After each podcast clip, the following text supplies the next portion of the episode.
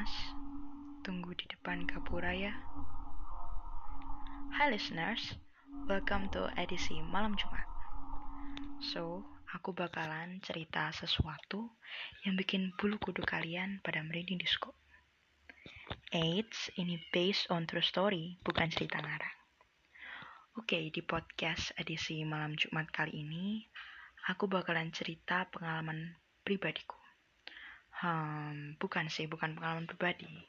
Lebih tepatnya pengalaman pribadi papaku.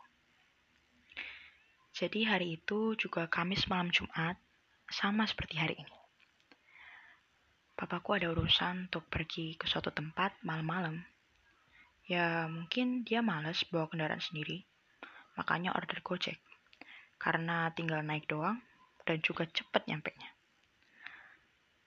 uh, kayak biasanya sih papaku pesan aplik pakai aplikasi masukin tujuan masukin lokasi.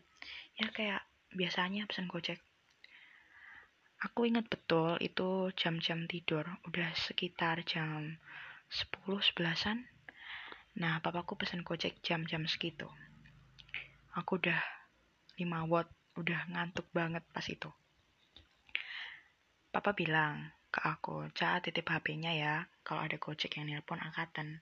Karena papaku uh, ke kamar mandi, jadi titip HP-nya. Terus ya aku jawab, oke okay, pak.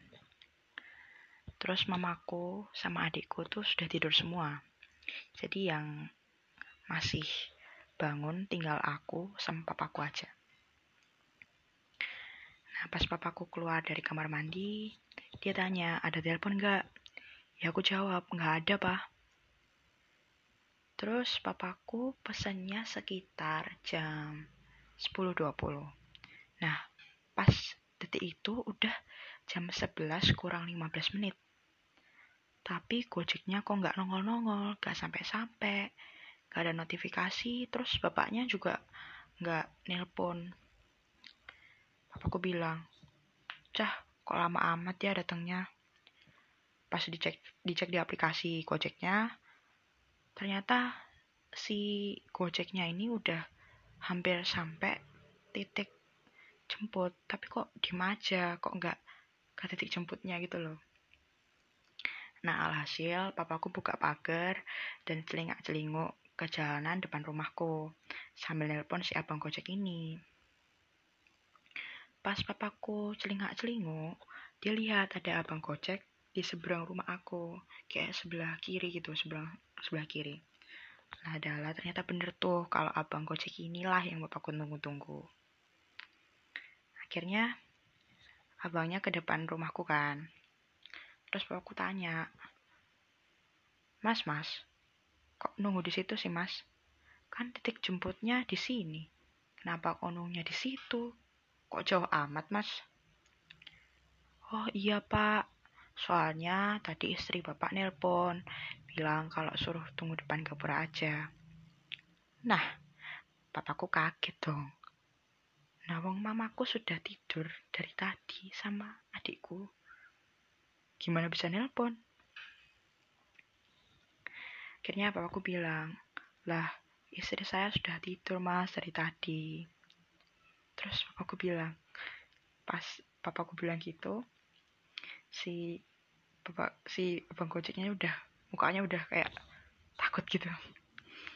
Ya iyalah jam 11 malam udah jam 11 malam. Siapa sih yang nggak takut? Terus uh, si mas gojeknya bilang loh tadi saya itu ditelepon bilangnya istrinya Pak Yohanes.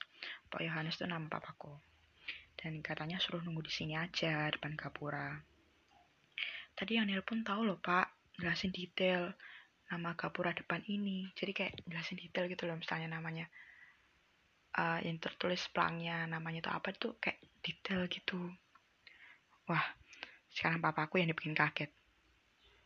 Akhirnya mas-mas gojek ini nunjukin log panggilan. Takutnya kan papaku nggak percaya gitu kan sama omongannya dia. Nah, akhirnya benar kalau ada telepon masuk jam setengah sebelas. Dan kata papaku nomornya itu nomor eksis yang menakutkannya lagi itu ada triple enam waduh Akhirnya si masnya ini coba nelpon ke nomor tersebut dan menyalakan loudspeakernya. Dan alhasil, tidak ada nada sambung yang terdengar. Anjay, serem banget gak tuh? Jam 11 malam coy, parah. Akhirnya, gak pakai lama lagi, papaku langsung naik gojeknya dan lekas pergi ke tempat tujuan.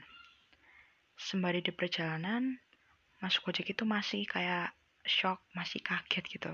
Dan agak meren-meren gitu, kayak wajahnya papaku lihat dari spion kayak agak takut gitu. Terus masnya tanya kan, Pak, itu tadi beneran? Bukan istrinya yang nelpon.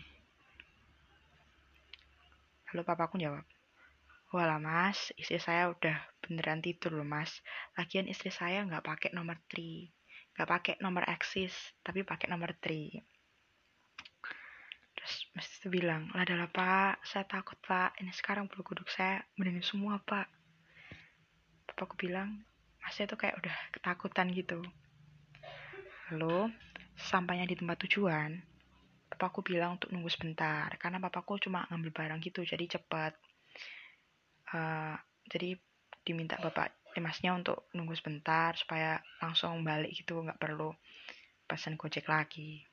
Sayangnya mas gojek ini udah terlalu takut untuk kembali ke area dekat rumah tempat di mana dia nerima telepon misterius tadi.